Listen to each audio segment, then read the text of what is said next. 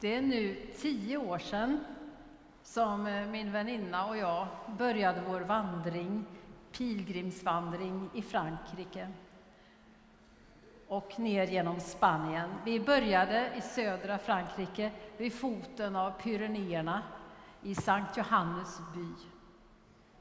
Vi hade vandrat mycket på hemmaplan. Eh, vi hade införskaffat ryggsäck, sovsäck, reselakan, vandringsskor, plåster och viron. Vi hade till och med provgått i värme, två och en halv mil på Billingeleden med fullpackade ryggsäckar. Vi var beredda. Strax innan vi gav oss av hemifrån Skövde skickade min son med mig en tanke. En tanke som vi kom att upprepa gång på gång under vår vandring. Kämpa när det är svårt. Njut när det är vackert. Orden bar oss ända till Burgos. Under vandringen kom vi på att vi trivdes bäst att gå där det var kuperat. Att efter att en backe var besegrad sätta sig, ta det lugnt, lufta tårna, byta tröja och dricka vatten. Det är underbart. På slätten tappade vi fart och gnista och det var svårt att hitta viloplatser. Utsikten, vyerna, de storslagna vidderna, det gjorde något med oss. Härlighetens berg, förklaringens berg. Nyss lyssnade vi till texten ur Matteus. Jesus och lärjungarna är uppe i norr, uppe bland bergen, på gränsen mellan Libanon, Syrien, Jordanien och Palestina. Uppe på Hermons höjder, som kan ha snö på topparna året om. Uppe vid Caesarea Filippo, där källor springer fram ur bergen friska vattenfall där Jordanfloden har sin källa. Underbart vacker natur, underbara vyer. De är förberedda. De har vandrat med Jesus en längre tid, nere bland Galileens kullar, runt Genesarets sjö, utmed Jordanfloden. De har lyssnat till Jesu undervisning de har sett honom göra underverk. De har blivit utsända två och två att praktisera evangeliet i olika städer och byar. Nu har Jesus tagit med dem bort en tid. Här med vardagen bakom sig får de tid för reflektion. För sex dagar sedan har Jesus frågat dem om hur de ser på honom. Då svarade Simon.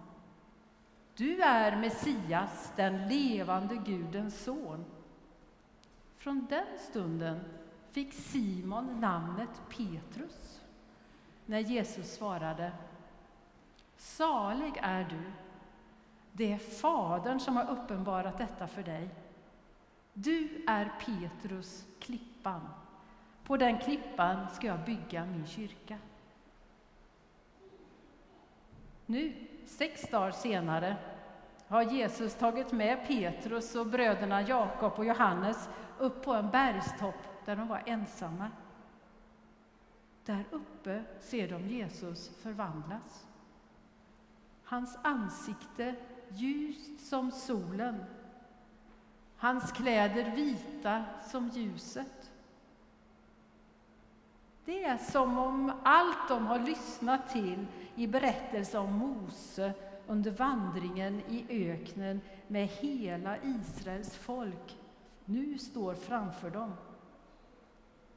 För Mose gick ju också upp på ett högt berg, Sinai. Hans ansikte lyste som solen när han kom ner till folket med de två stentavlorna, tio Guds bud.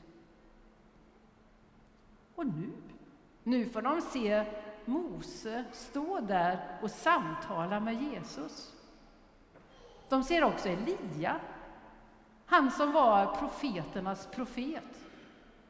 Han som aldrig begravdes utan blev upptagen direkt till himmelen från ett högt berg. Där står de tre och samtalar. Vilken syn! Vilken upplevelse! Så magiskt. Petrus vill stanna tiden, hålla kvar ögonblicket. Jag kan göra tre hyddor för dig.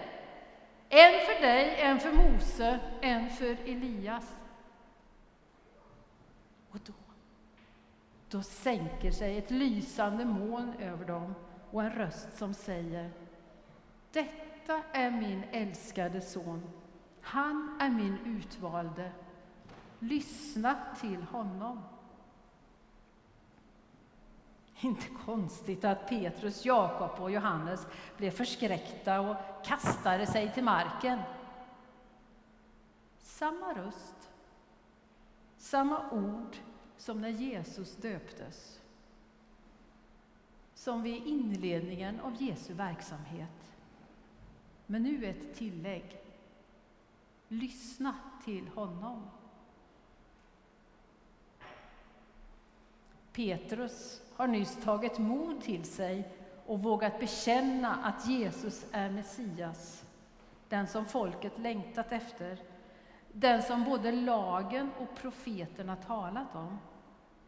Nu bekräftar en röst från himmelen det. Jesus är Messias. Jesus förklaras. Och visst var det bra att de här tre lärjungarna var med, så att också vi fått det bekräftat. Jesus är Messias. Jesus är fortsättningen på Guds uppenbarelse i lagen och profeterna. Jesus har till och med kommit för att fullborda lagen och profeterna. De tre lärjungarna ville stanna kvar. Men Jesus tar med dem ner för berget, ner i vardagens alla bekymmer och glädjeämnen. Härlighetens berg, förklaringens berg.